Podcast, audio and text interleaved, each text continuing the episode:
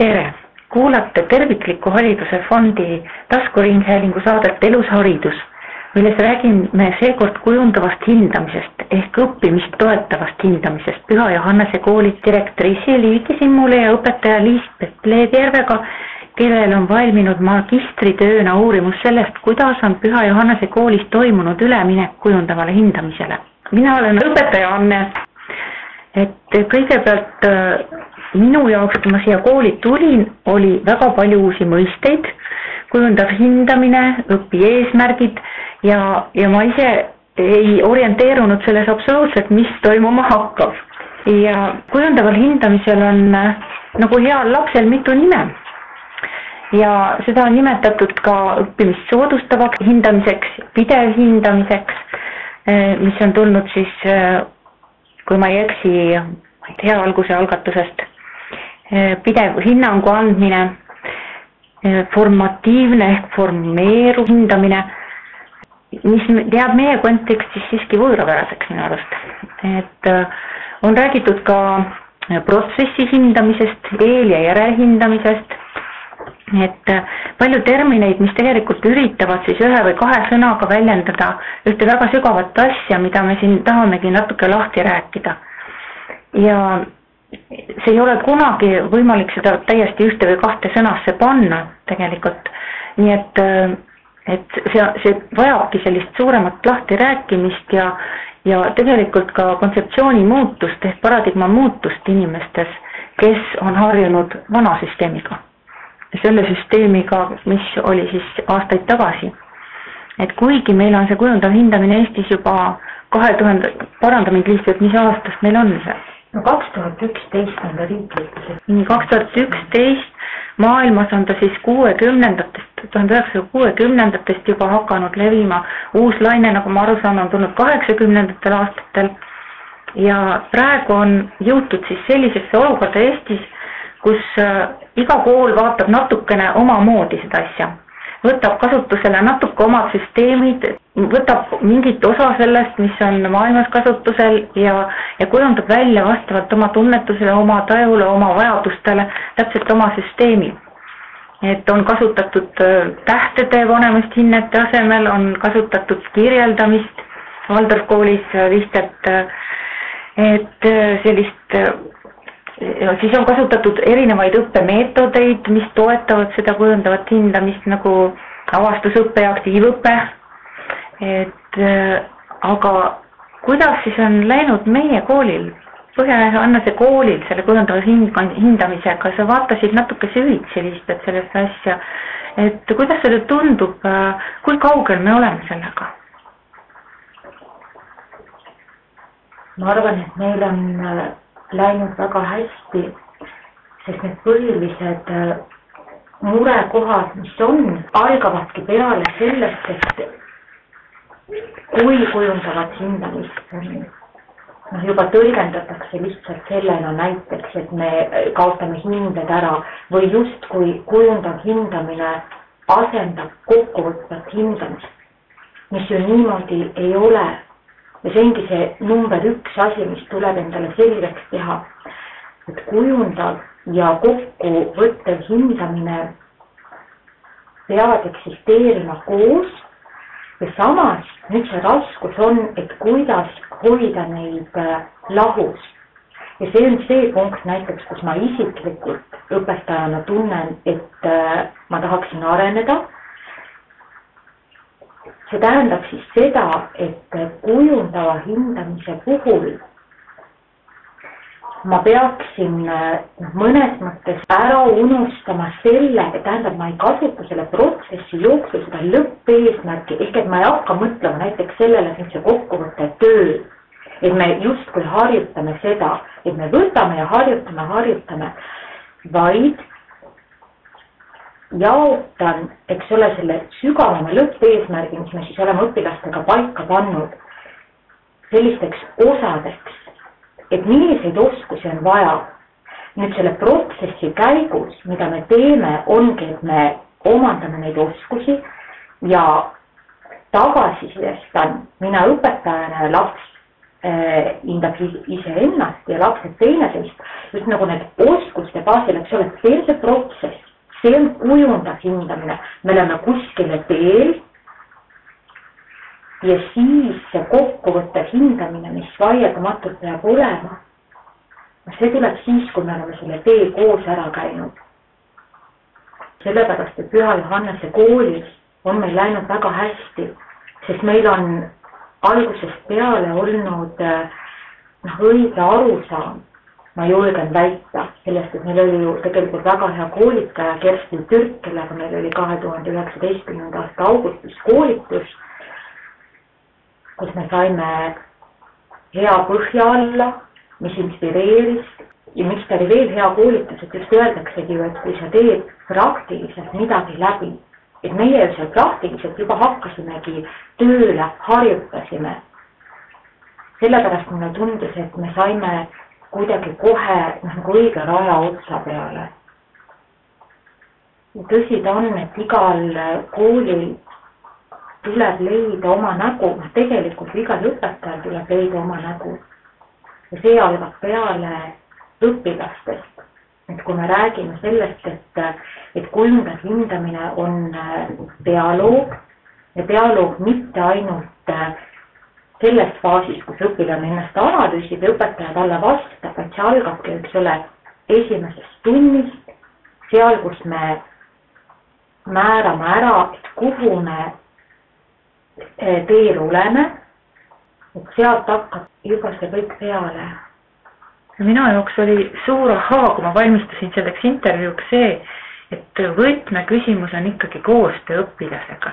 et tegelikult, kui nemad ise panevad selle eesmärgi endale sihi, et siis nad võtavad ka selle vastutuse, mis on ka üks teine märksõna, mis mul nagu kõrvade taha jäi kohe, kui ma selle asjaga tutvusin et äh, pigem nagu see hindamine ongi natuke vale sõna isegi selle asja juures, et, et see ongi protsessi toetamine. ja, ja noh, küsimus on nüüd, et kuidas me seda hindamist mõistame, võib öelda, et see on vale sõna, aga võib võtta nii nagu eks ole, kujundava hindamise üks ristiisa, Dylan William on öelnud, et küsimus on lihtsalt selles, et meil on sõnast hindamine oma kindel arusaam, mis ei pruugiks niimoodi olla just, ja ma kuskilt leidsin ka väga armsa selgituse, kuidas seda lastele esitleda nagu teekonda. et meil on kõigepealt, me vaatame, kus me praegu oleme, kus me hetkel oleme, hetkeseisu siis, ja no mitte ainult lastele, õpilastele, vaid ka õpetajatele on see väga oluline. ja siis teiseks me seame mingi sihi ja siis me jälgime seda protsessi, kuidas meil läheb see kulgemine sinna sihi juurde et äh, minu arust see on väga ilus viis, nagu kuidas saab ka väikestele lastele seda seletada ja, ja kohale tuua. missugused on sinu edusammud isiklikud olnud? ma ütleksin, minu õpilaste edusammud, mida ma olen näinud just viimastel päevadel, kus meil on olnud selle õppeaasta ja viimaste perioodide analüüside kirjutamine hästi ilus kogemus kuuenda, seitsmenda, kaheksanda klassiga nüüd kahel päeval. ja ma ise võtsin enda jaoks just nimelt oma tööst ja läbi, meie õpetajate seas läbi viidud uuringust sellise eesmärgi, et äh, kui püüaks nii, et äh, see, mis me oleme teinud jooksvalt, on olnud õpiväljundite konkreetne analüüs ja nüüd võtaks tõesti, me juba rääkisime selle põhilise võtaks lühidalt, õpilased ütlesid, kas nii lühike ongi, kas nii vähe ongi? Ja siis nad ütlesid, et ja nad on märganud, et ka teistes ainetes, eks ole, ja kas nii lühike ongi, et kui vaataks sellele protsessile tagasi ja siis oli tõesti nõnda, et ma palusin neil kirjutada ja ütlesin, et olge hea, andke märku, et ma tulen vaatan, eh, kuidas on läinud. eelmine kord pärast kolmandat perioodi proovisin samamoodi see meil kuidagi ei läinud, me ei leidnud seda, tähendab, ta kirjutas, mina ei jõudnud kuidagi, vaatasin üle, kõigini ei jõudnud, oli ligadi-logadi, aga nüüd ma seekord vaatasin, sisuliselt ei pidanud ma praktiliselt kellegi puhul ütlema, et ole hea, täienda. et äh, see käis väga ruttu selles mõttes, et ta kirjutas ja mina jõudsin kõigi juurde, mulle piisas sellest, et ma vaatasin peale, mis ta on kirjutanud ja tegelikult noh, mul jäi üle ainult öelda, et suur tänu. mul on, millele vastata, mul on, millele reageerida. ja noh, sisuliselt ma ju ka jõudsin siis lugeda, mida nad kirjutasid. ja mida ma olen avastanud, ongi see, et mida vabamaks lasta ka jooksva perioodi sees, seda nende eneseanalüüsi, et mida nad täpselt peaksid analüüsima seda kasulikum on see neile endale ja ka mulle õpetajana. ja siin ma tegelikult võlgnen tänu meie kaheksanda klassi õpilasele Henrile, kes kirjutas kas oma eelmise perioodi jah, eneseanalüüsis, et, et ta tunneb, et noh, need pidevad, ütleme, protsessi vältel toimuvad eneseanalüüsid, et nad on talle küll ka kasulikud, aga ta teab, et rohkem on neid vaja õpetajal, et noh, nad olid sellised detailsed, eks ole, kuidas ma palusin, et analüüsiks. ja, ja pärast seda ütlesin ma neile alati, et äh, mitte ühtegi punkti ei ole. teema on eneseanalüüs ja palun kirjuta seda, mis sind toetab. Ja see, mis hakkas pärast seda laekuma noh, võttis tegelikult sõnatuks, et mis sind ennast toetab. ja, aga see ei tule niisama, see ei saa niimoodi olla, et, et me näiteks noh, kool läheb üle kujundavale hindamisele.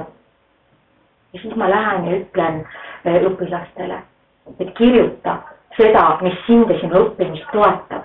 Aga selle taga ongi see, see töö, et mis baasi me laome ja see, mida mina kogesin oma õpilaste puhul, see on kõikide meie õpetajate, meie ühise töö vili, et on tekkinud see arusaam, et milles see kujundav hindamine seisneb. mulle tundub, et, et on lapsi, kes saavad väga hästi aru ja saavad juba selle eneseanalüüsiga imehästi toime ja siis on lapsi, kes üritavad kas ennast paremana näidata või ikka natukene, natuke nagu, nagu äh, ennast jah, tõsta. mis ei ole ju halb, kui inimene tahab ennast tõsta. et äh, noh, minu küsimus ongi see, et, äh, et kuidas ma jõuan siis igaüheni. et see on mul algusest peale olnud, kui ma siia kooli tulin, et ma näen, et siin on see hästi hea taust selleks tähendab, kõik need eeltingimused tegelikult on olemas selleks, et seda tõesti südamest teha ja kuigi ma ei teadnud sellest mitte midagi tegelikult, kui ma tulin, aga ma kuidagi tundsin, et ma võtan selle üle või, või selles mõttes, et, et see on minus endas olemas ja, ja ma kuidagi intuitiivselt äh, läksin sellega väga ilusasti kaasa.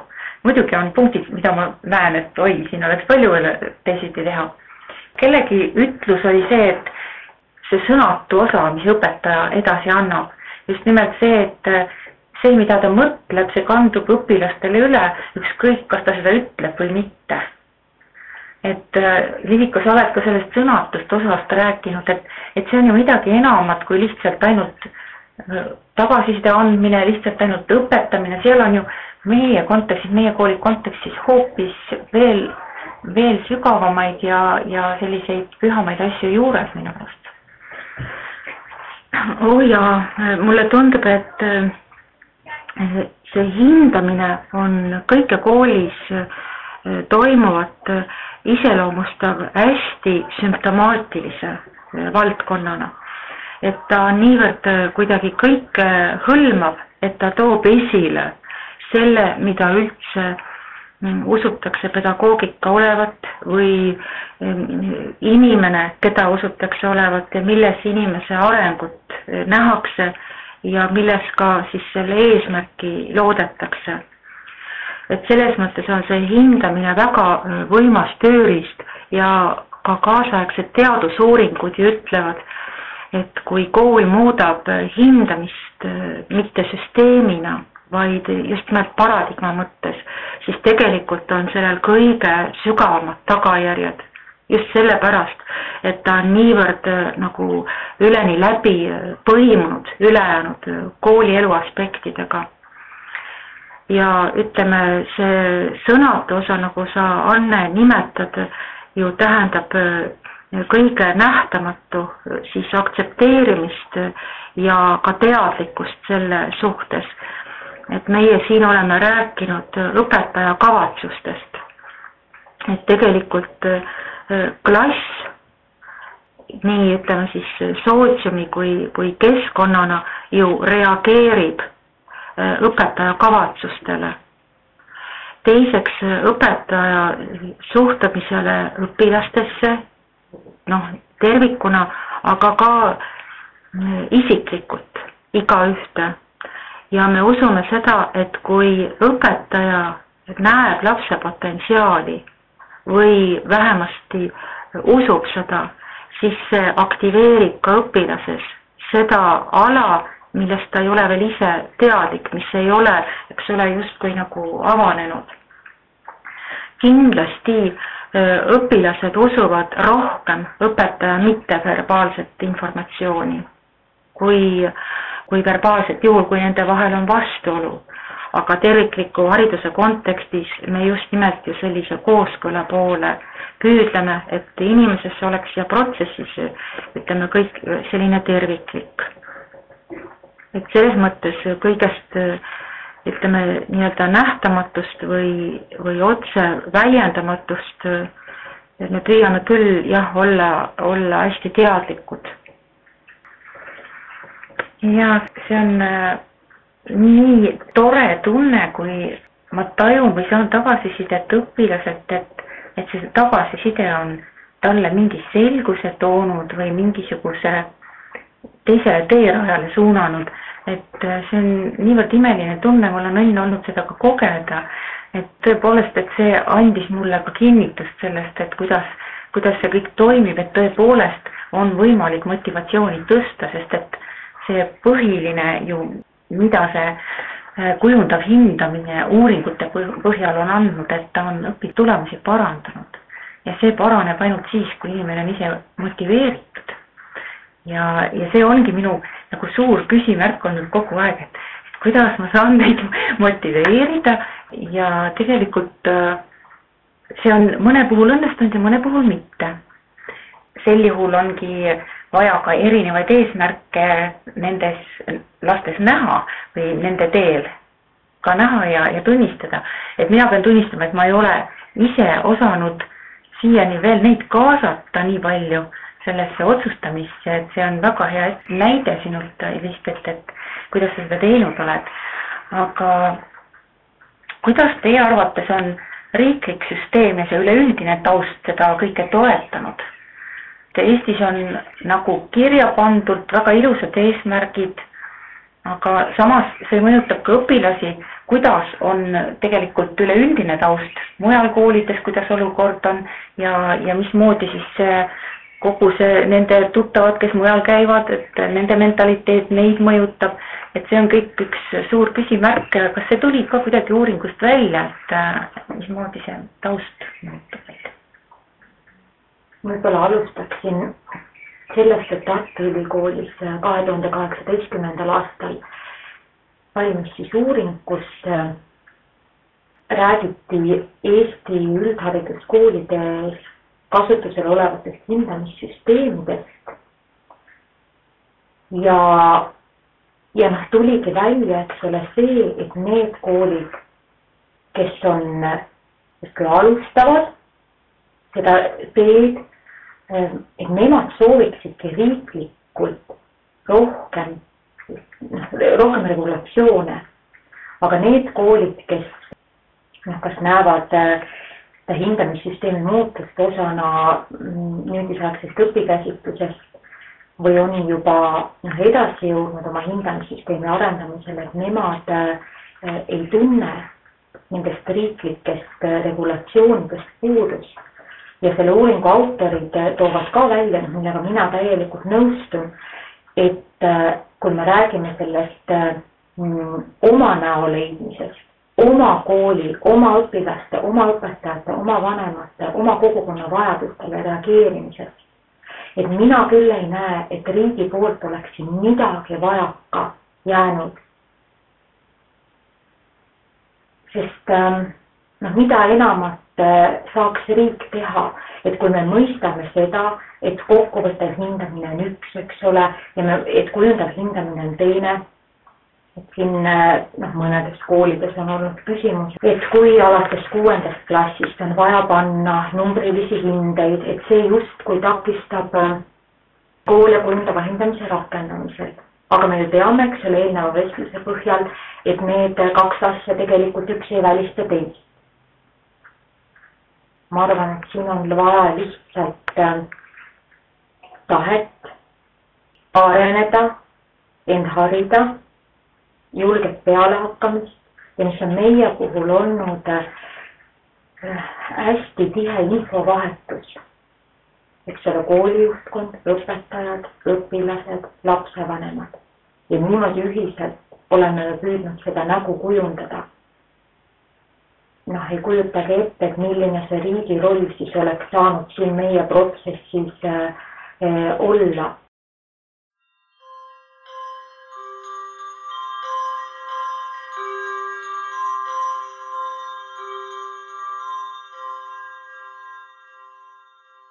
jah, me puudutasime siin seda teema, lapsevanemate teemat esimest korda, et ka nemad on osalised kõiges selles, kogu selles protsessis.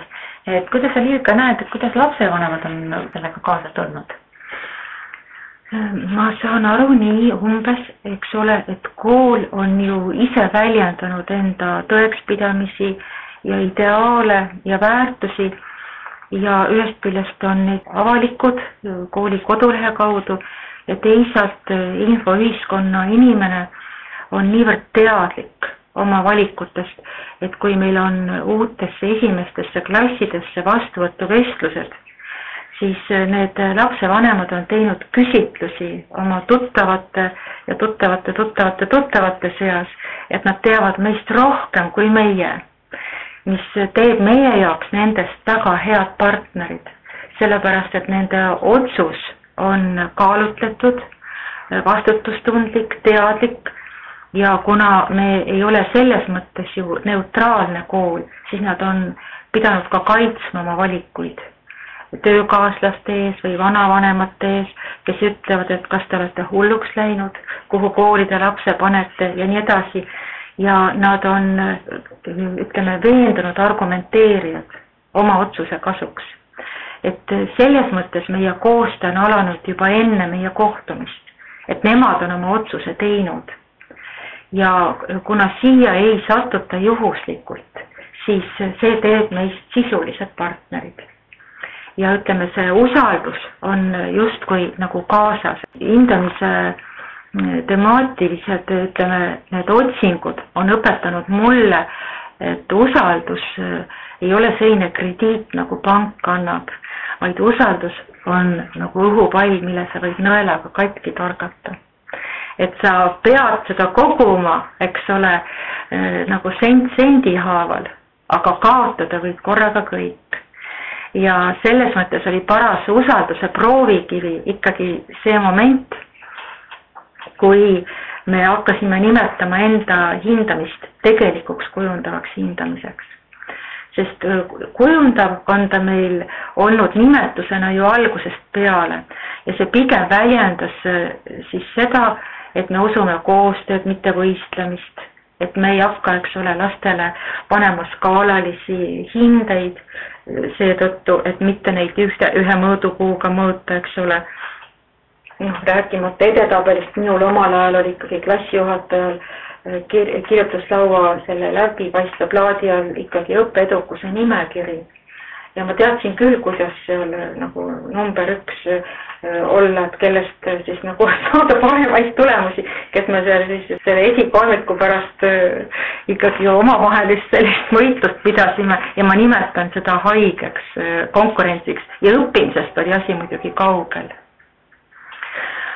aga selles mõttes anda nagu tagasisidet äh, isiklikult ja kuidagi mitte mingisuguste skaaladega, see oli see, millest me alustasime. aga mulle tundub, et selline redefineerimine käib meie kooliga kogu aeg kaasas. et sa kogu aeg nagu mõtestad äh, uuesti siin ja praegu nende inimestega muutuvates oludes ka kõiki neid oma sügavamaid arusaamu uuesti ümber ja, ja kui me siis saime aru, eks ole, et vanematel on vaja tagasisidet ja ka õpetajatel nii-öelda raamatupidamist, et kellel on vastatud, kellel mingil põhjusel ei ole.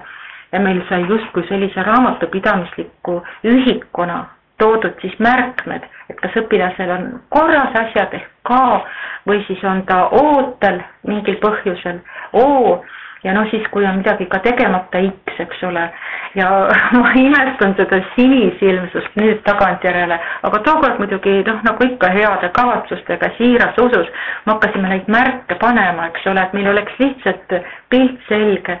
Ja siis need elustusid nagu ühed trollid, need K, X ja O ja hakkasid elama oma elu, nendest sai kolme palli süsteem ja lapsed hakkasid tegutsema eks ole, skaalal, kas ma saan K või ma saan X-i või mul on O. ja vanematel, eks ole, siis äh, kolisid need tegelased ka nende kodudesse ja, ja mõtteviisi ja kõnepruuki, eks ole, et mitu K-d sul on ja kas sa oled see X juba K-ks teinud ja siis ma sain aru, et äh, see, mis toimub, on soorituskemplemine. et ikkagi ilmus siia kaubandus et lapsed nagu õpivad ja vastavad selleks, et neil oleks siis nii-öelda see X ja O vaba elu.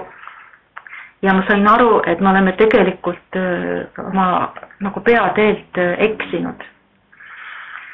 ja siis oli meil see Liisbeti poolt mainitud äh, nagu imetabane koolitus, kus ma sain aru, et me peaksime neid asju koos ümber mõtestama ja siis äh, augustikuus äh, kaks tuhat üheksateist äh, Esna mõisas meid koos tabas tegelikult selline väga huvitav ühine nagu äratundmise moment, selline insight, eks ole, kus me saime aru, et see, mis on puudu, on lastepoolne, eks ole, kõigepealt nende huvi kaasamine, nendega koos eesmärgistamine, siis nendepoolne enesereflektsioon ja siis ütleme, dialoog õpetajaga, et see protsess peab olema märksa sisulisem.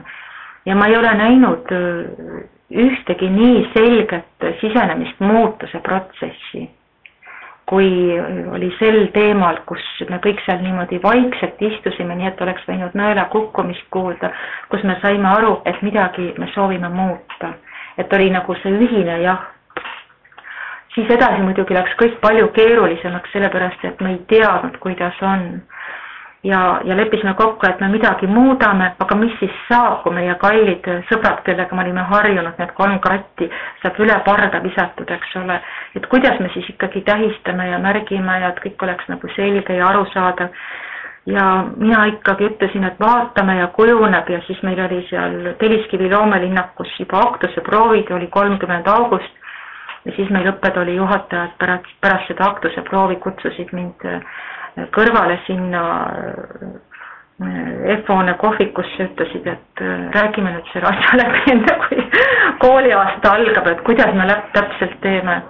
ja siis mul tuli nagu meelde, et kunagi aastal kaks tuhat Rocca al Mare kooli alguses, kui me võtsime korraga vastu kaheksasada õpilast, et me peame andma nagu kõikidele õpilastele uue võimaluse alustada puhtalt lehelt kuigi seal oli ju põhimõtteliselt vastu võetud koolitäis viielisi õpilasi, siis me teadsime, et erinevate koolide viied on erineva vääringuga ja nii oligi, et tegelikult nendest kõigist said äh, siis alates teisest perioodist ikka nii-öelda viielised ja neljalised ja kolmelised ja kahelised.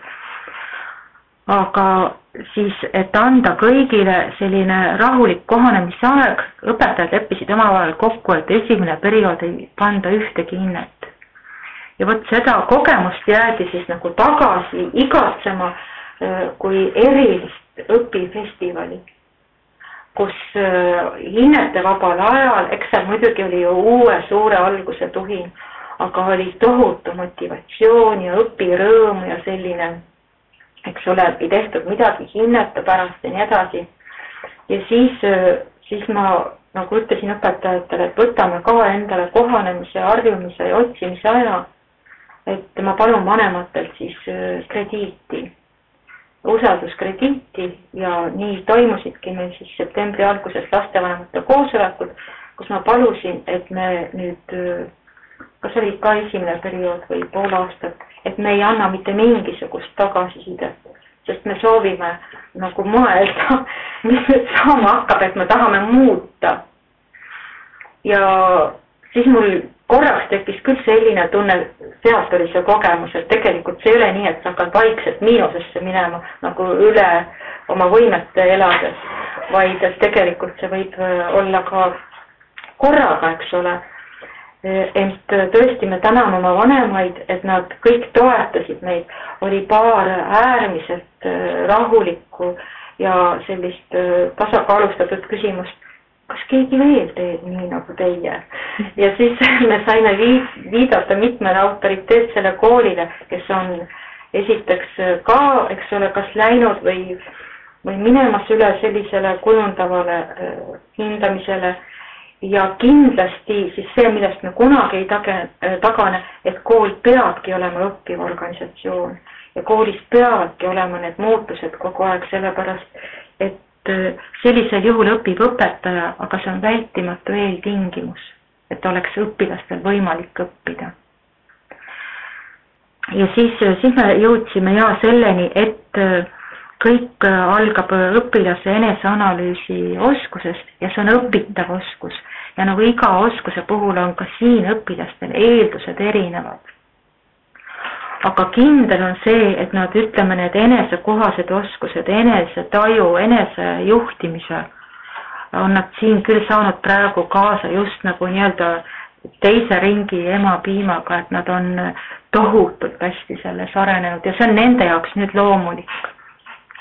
et see ongi see inimeseks õppimine nüüd siis, et inimeseks õppimine nii selles mõttes, et õppida tundma ennast, kui ka selles mõttes, et ennast selles kontekstis, kus me parasjagu oleme. et äh, see on üks imeline protsess, mida nagu nõukaaja inimestel ei olnud võimalik kunagi läbida, et, et äh, hästi, hästi suur, mulle tuletas äh, su jutt natukene meelde Rootsi kogemust vahepeal. et lugesin sellest ja, ja seal oli juttu, et liigne vabadus kaotab distsipliini et siis kaob distsipliin, kui anda nagu liigne vabadus. et selles mõttes tõesti tasakaalus hoida siis seda kokkuvõtvat ja kujundavat hindamist. et ilmselt see tasakaalu point ongi see, see, mida meie tahame siin hoida. ja, ja kuidas seda, kuidas see meil siis õnnestunud on? tähendab, et missugused on olnud need väärtused, mida sa avastasid äh, teistelt õpetajatelt arvamust küsides ja, ja oma uurimust kokku pannes? Liisbet? noh, siin võib ka jälle laiemas kontekstis öelda, et kui vaadata ka varasemaid uuringuid, mis on tehtud teiste koolide kogemuse põhjal, siis kokkuvõttes võiski tõdeda, et nii need õnnestumised kui noh, võtame näiteks siis õpilaste õpimotivatsiooni tõus, eneseanalüüsi oskuse kasv, sihikindluse kasv näiteks, eks ole, või siis äh, väljakutsed ikkagi esialgu vähemasti see töökoormus, et õpetaja õpib, kõik on uus. selge see, et tihe kvaliteetne tagasisidestamine on ajamahukas, eriti siis, kui sa seda veel õpid. ja siin on ka mainitud, eks ole, vähemalt kolme aastat. ja, ja nüüd need õnnestumiste tegurid, et mis siis on kaasa aidanud et need on tegelikult olnud äh, meie koolil ja teistel koolidel, kes on sarnast teed käinud, noh väga sarnased. aga meie puhul äh, võib-olla ma tooksin siis välja need, äh, need mõningased erinevused, et üks ongi, me rääkisime siin vanematega koostööst, et ühe suurima väljakutsena tegelikult äh, on kogetud äh, just nimelt vanemate vastuseisu näiteks, vanemate ja ka õpetajate, õpilaste äh, hoiakuid, äh, harjumusi. ja see on vahel saanud ka mõne kooli puhul noh, täitsa takistuseks, ühesõnaga seda hindamissüsteemi muutmise protsessi ei ole ka alustatud selles, selles hirmus või on hiljem tagasi pöördutud vana süsteemi juurde. Paneme ikkagi hindeid, sellepärast et siis me saame aru, mida igaüks peab tegema ja mida sellest välja lugema. ja, ja siis on olnud noh, kooliti väga erinev see arusaam ja kogemus, et kuhu see kujundav hindamine õigupoolest sobib, et mis vanusest lastele ja mis kooliastmesse. ja nii ongi väidetud, et, et see on kas päris pisikeste esimene klass või, või esimene kooliaste või siis mõni on vastupidi väitnud, et, et oi, selleks saadakse küpseks alles noh, põhikooli seal lõpus ja, ja gümnaasiumis et tegelikult ka minu töö mõte, üks peamisi eesmärke oli julgustada, julgustada ja, ja noh, näidata seda, et me ei saa tegelikult tõmmata ei kooliastme ega vanusepiiri. Siin algabki kõik sellest jällegi, mis äh, tähendust me omistame selle kujundavale hindamisele, kui me näeme seda näiteks sümbolite süsteemina, et see, et ma lihtsalt hinde asendan naerunäoga või kadupildiga, et siis tõesti võib öelda, et see on ainult võib-olla esimeses klassis sobiv. aga kui me mõistame seda nii, nagu me praegu siin vestluses oleme, oleme püüdnud kuidagi sõnadesse panna, et siis ma arvan, et saab, noh, saabki selgeks, et siin ei ole selliseid piire. ja see tuligi välja meie töös ja nii õpetajad, need, keda ma küsitlesin kõikidest kooliastmetest, võrdne arv õpetajaid ja nemad äh, tõid ka ütleme õnnestumiste peamiste teguritena välja ikkagi selle koostöö, see dialoog, see, et õpetaja kahandab ennast ja enda rolli ühesõnaga laseb ennast ka õpilastel juhtida sinna, kus nemad tahavad liikuda, et ma saan aru, see on see jällegi see üks põhitegureid selle kujundava hindamise või õppimist toetava hindamise juures. absoluutselt, et see protsessi hindamine, mis ju tegelikult äh, ongi kujundava hindamise selline tuum, et miks me seda protsessi niimoodi äh, koos käime, et mina õpetajana peaksin ju kohandama oma äh, õpetamist siis äh, õpilaste vajadustele, eks ole. ja nüüd võib-olla noh, mis on ka põnev, eks ole, see vastutuse võtmine, et miks nüüd näiteks see mõiste kujundav hindamine, mitte näiteks tundlik õpetamine, mis on ju ka ilusasti öeldud, et seal on see sõna õpetamine, aga kui me räägime vastutuse võtmisest, siis saabki öelda, et äh, õpetaja peab tundlikult õpetama, aga õpilane peab olema tundlik selleks, et oma analüüside põhjal, õpetaja tagasiside põhjal, sealt omad järeldused teha ja oma õppimist muuta. ehk et õpetaja kohandab oma õpetamist ja, ja õpilane oma õppimist niimoodi koostöös. sa tõid äh, minu arust meie koolisisesel koolitusel või õpetajate vahelisel koolitusel väga toreda termini sisse, et me ei anna mitte tagasisidet, vaid me anname edasisidet.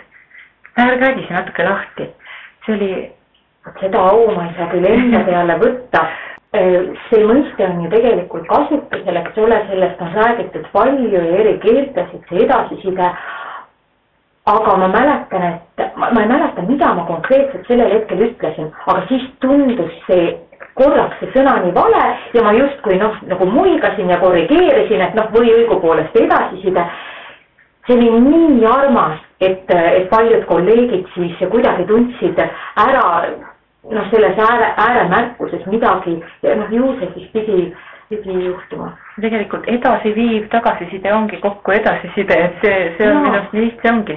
nii lihtne see ongi, et, et lihtsalt äh, panemegi kaks sõna kokku ja me saame ühe mõiste, mis, mis annab selle, võib-olla selle kontseptsiooni paremini edasi, mida, mida me taotleme siin aga kas sa küsid, küsisid ka näiteks neid raskuspunkte või, või neid kohti, mida siis õpetajad nagu enesekriitiliselt välja tõid, et mida nad teisiti teeksid?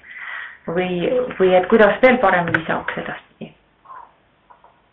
väga huvitav, üks äh, õpetaja võttis niimoodi kokku selle kogemuse, et justkui ma küsisin, et, et mida teistele koolidele või õpetajatele soovitada ja ta soovitas alustada üksikutest klassidest.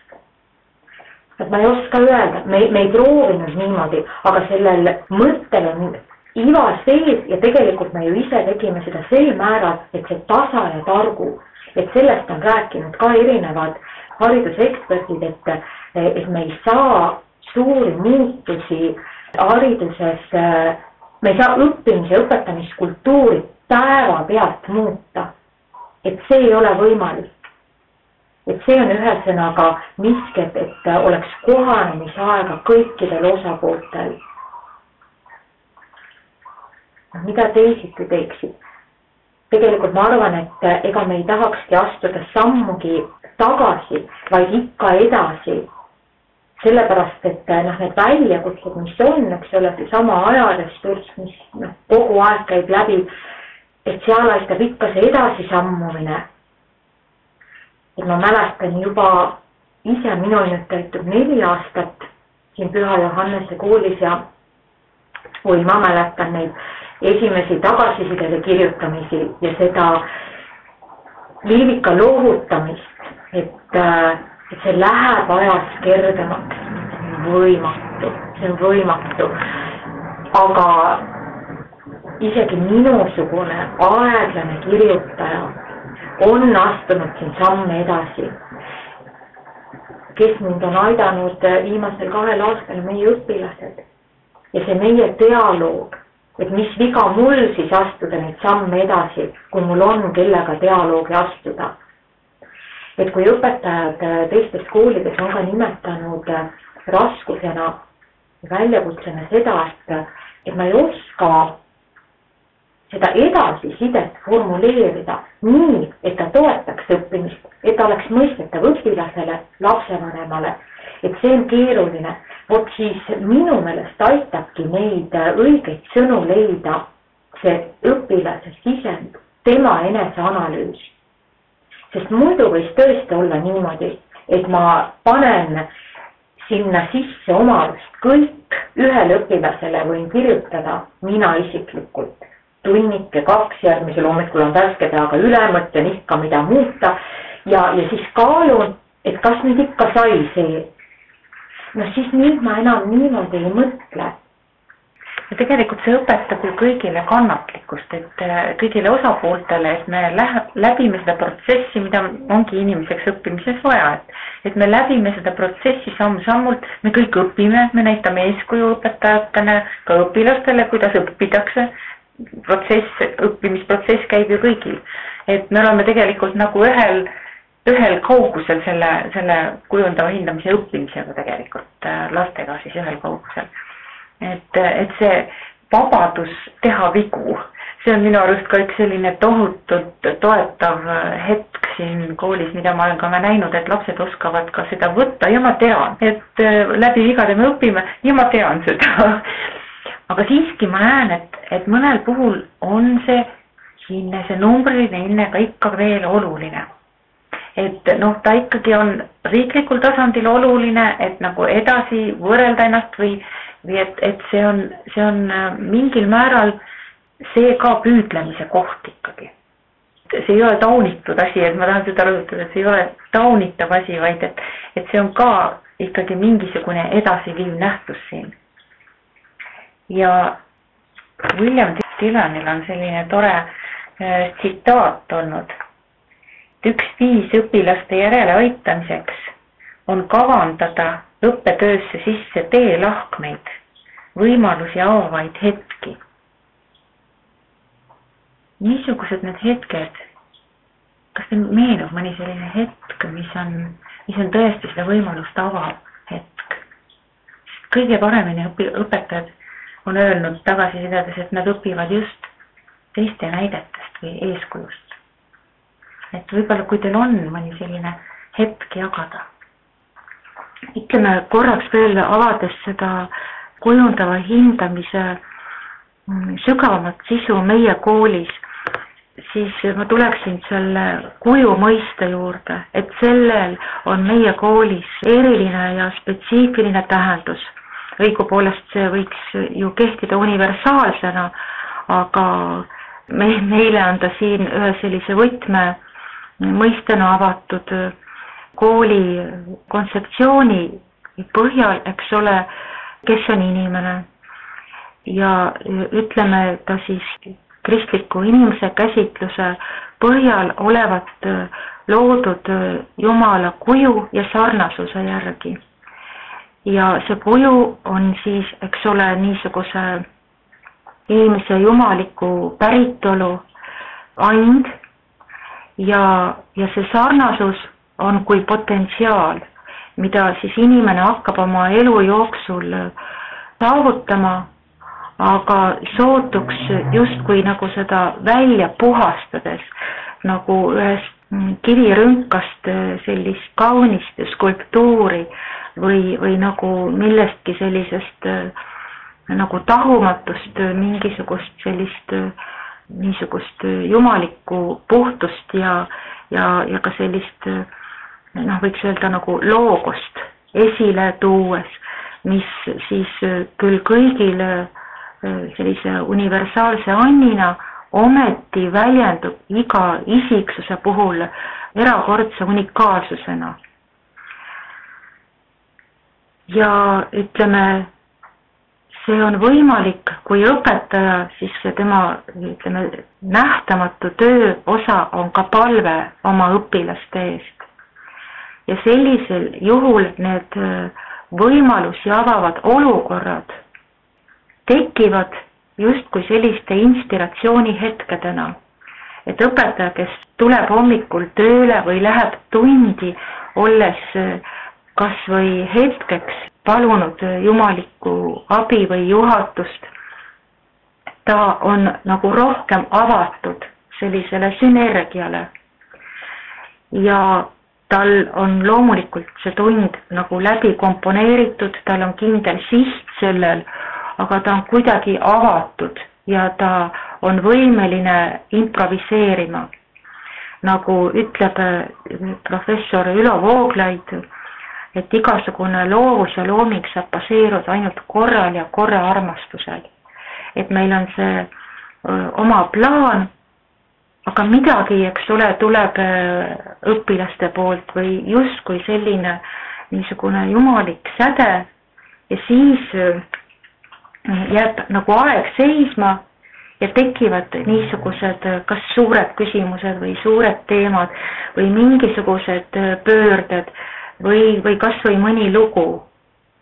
ja see justkui nagu avardab nii selle ruumi ja toob sisse õpilaste südamed, nende tegelikult selle inimeseks olemise tuuma ja ka annab tähenduse sellistele teemadele, mis mõnikord neile tundub, et miks me seda õpime või kuna mul seda vaja on või midagi sellist.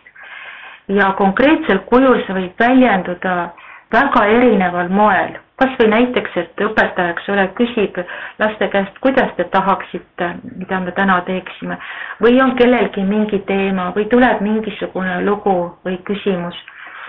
Aga on väga-väga tähtis äh, hoida sellist ruumi niisugusele noh, jumalikule sekkumisele, sellepärast et me peame arvestama, et meie oleme siin kaastöölised tegelikult äh, loojale, kes armastab oma loomingut ja soovib selles jätkuvalt äh, osaleda. imeline, mul tuleb meelde ühe koolitaja, inglise keele õpetaja meenutus sellest, kuidas ta läks tundi ei olnud ette valmistunud ja oli palunud õpetaja õpilastelt abi. et palun aidake mul tund, tundi läbi viia ja kuidas sellest kujunes väga imeline tund, nii et, et see on nagu väga hea näide sellest, kuidas lihtsalt loovus loob.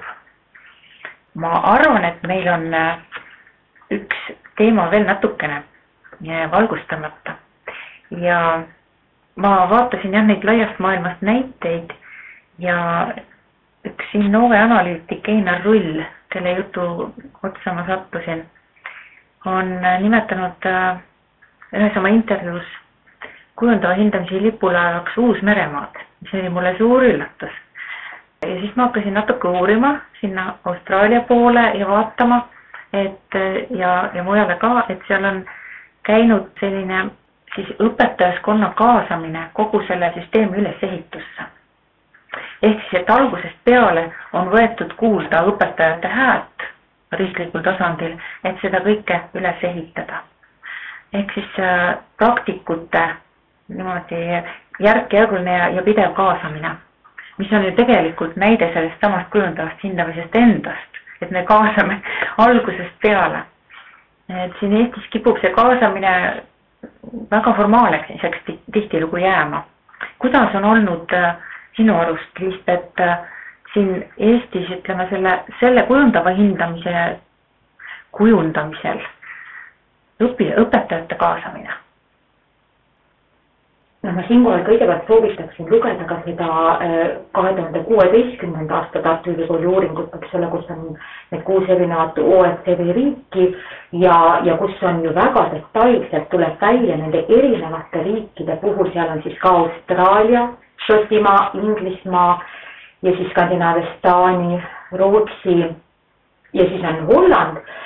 Seal on väga kenasti detailselt, tähendab üks uuringu autor on siis keskendunud, tal on endal olnud seos selle riigiga, ta on seal kas õpetanud või, või õppinud, töötanud ja, ja suhelnud siis sealsete õpetajatega ja, ja seal on, tuleb väga hästi samamoodi see välja, et kuidas on erinevat moodi õpetajaid kaasatud. Ma ei tea, kas Eestis on äh, seda tehtud, ma just mõtlengi, et kas koolijuhtide tasandil äh, on, ma tean, et on igasugused koolide võrgustikud, kus koolid omavahel jagavad äh, parimaid praktikaid. siis on, on seda, et naabruskonnakoolid, kes omavahel suhtlevad ja üksteiselt õpivad ja, ja sellepärast on ka noh, levivad ka erinevad tõlgendused sellest kujundavast hindamisest kellega on siis Püha Johannese koolil olnud äh, suhe, kas me oleme nagu äh, kontaktis mõne sedasama praktikat äh, viljeleva kooliga või, või kas meil on mingeid eeskujusid või siis on see täiesti niisugune puhtalt lehelt tulnud oma avastamise käigus tekkinud süsteem? ma just sellel ajal, kui me siin piloteerisime oma tegelikku kujundavat hindamist, osalesin äh, haridusinnovatsiooni meistriklassis. see oli üks selline pikem kursus, kus äh, osalesid äh, siis need koolijuhid, kes on, ütleme, nüüdisaegse õpikäsitluse sellised noh, praktiseerijad, on seda usku ja seal oli siis igal koolijuhil oma projekt, mida ta välja töötas ja kaitses ja selleks äh, ka kolleegide äh, peegeldusi kogus. Ja mina olin seal siis noh, võtsin üldse päris nagu suurelt ette, kuna meil oli samal ajal ka ju maja äh, ettevalmistamine või õigupoolest otsingud, et üldse selline õpiruumi ümberdefineerimine või, või alates siis seal ütleme aegruumi ehk päevakava disainist ja siis hindamine sinna otsa, et see oli äärmiselt kvaliteetne ja ka intensiivne ja inspireeriv koolitus. me käisime ka vaatamas Taanis ja Hollandis siis muuhulgas erinevaid koole ja see programm oli ka disainitud täpselt nende väärtuste kohaselt mida me sinna siis õppima läksime, ehk koguti meie endi huvisid. Nii et ma sain ka selle, ütleme, arhitektuurses mõttes nüüdisaegse õpiruumi ülesande sinna panna, olin väga imestunud ja küsisin korraldajalt, et kas tõesti me sellepärast käisime nii erilisi kooliruume vaatamas. Ja noh, ütleme pärast see ju lõppes sellega, et üks selle kursuse eestvedajatest, Triin Noorkõiv oli meie uue maja žüriis ja aitas meil siis langetada just seda head õiget otsust, mida me seal koos äh, selles žüriis langetasime.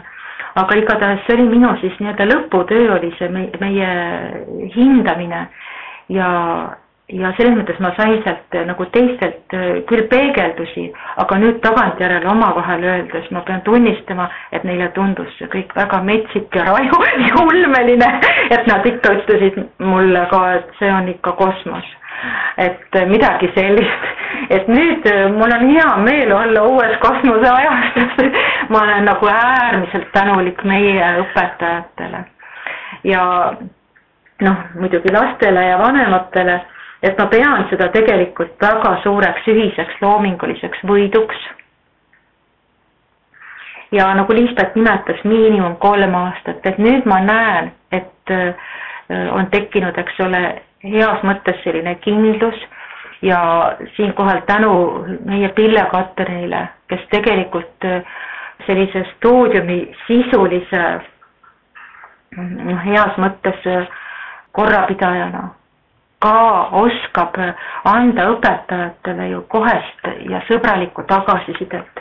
ole hea, vaata ümber oma need eneseanalüüsi alused, õpiväljundid. Et meil on tekkinud siin selline nagu oma hea stiil, mis on selles mõttes vaba ja küll seinast seina, eks ole, et õpetaja žanriliselt saab leida, mis talle sobib ja olid ju siin need perioodid ka, kus mitmed õpetajad ütlesid, et teeme ikka need lausete pangad ja paneme ikka täpselt paika, kuidas õige on. ja siis ikkagi sai meenutatud siin Püha Sofroonik, kes enda asutatud Essexi kloostris keeldus ju reeglitest, mida kloostri perele panna, me teame, et kloostrites ju ajast aega ikkagi ju kindlad reeglid. ja ta isegi ei soovinud põhikirja äh, vastu võtta ega, et ega seda kuidagi fikseerida sellepärast, et ta just nimelt uskus seda iga inimese võimekust olla inspireeritud pühast vaimust. Ja ikka hõikas oma munkadele ja nunnadele, olge poeedid. ja siis ma ütlesin ka meie õpetajatele, olge poeedid ja kõik vaatasid mind tusase näoga, aga nüüd mulle tundub, et see lihtsalt on läinud sellist oma nagu küpsemise teed, et äh, on, hoopis jõudsime selleni, et erinevates, mitte ainult vanuseastmetes, vaid ka klassides, kuna klassid mingisuguse oma kollektiivse teadvusega on ka ju nagu eriisiksused, sobivad natuke erinevad stiilid, neid on ju ka mõjutanud mitte ainult nende enda koosseisus, koosseis, vaid ka nende õpetajad.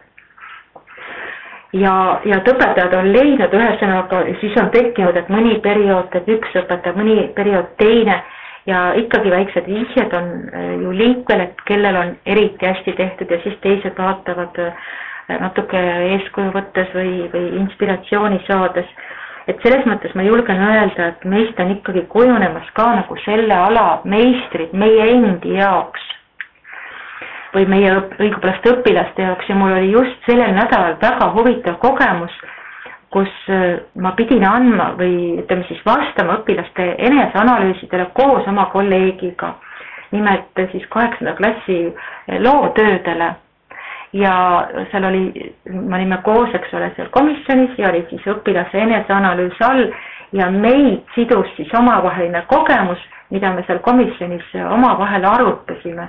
Ja ma pean ütlema, et see oli tegelikult niivõrd lihtne, et äh, me istusime koos ühe arvuti taga, lugesime ja meil oli täiesti selge, mida me teeme, kuidas me teeme, võib-olla nagu kordamööda aitasime seal niimoodi sõnastuses, aga tegelikult äh, see oli nagu ütleme, mingisuguse nagu nähtamatu varandusena meiega kaasas et selles mõttes on iga meie õpetaja nagu kulla hinnaga, et ta on nüüd juba mingisuguse, eks ole, nagu pärandi kandja.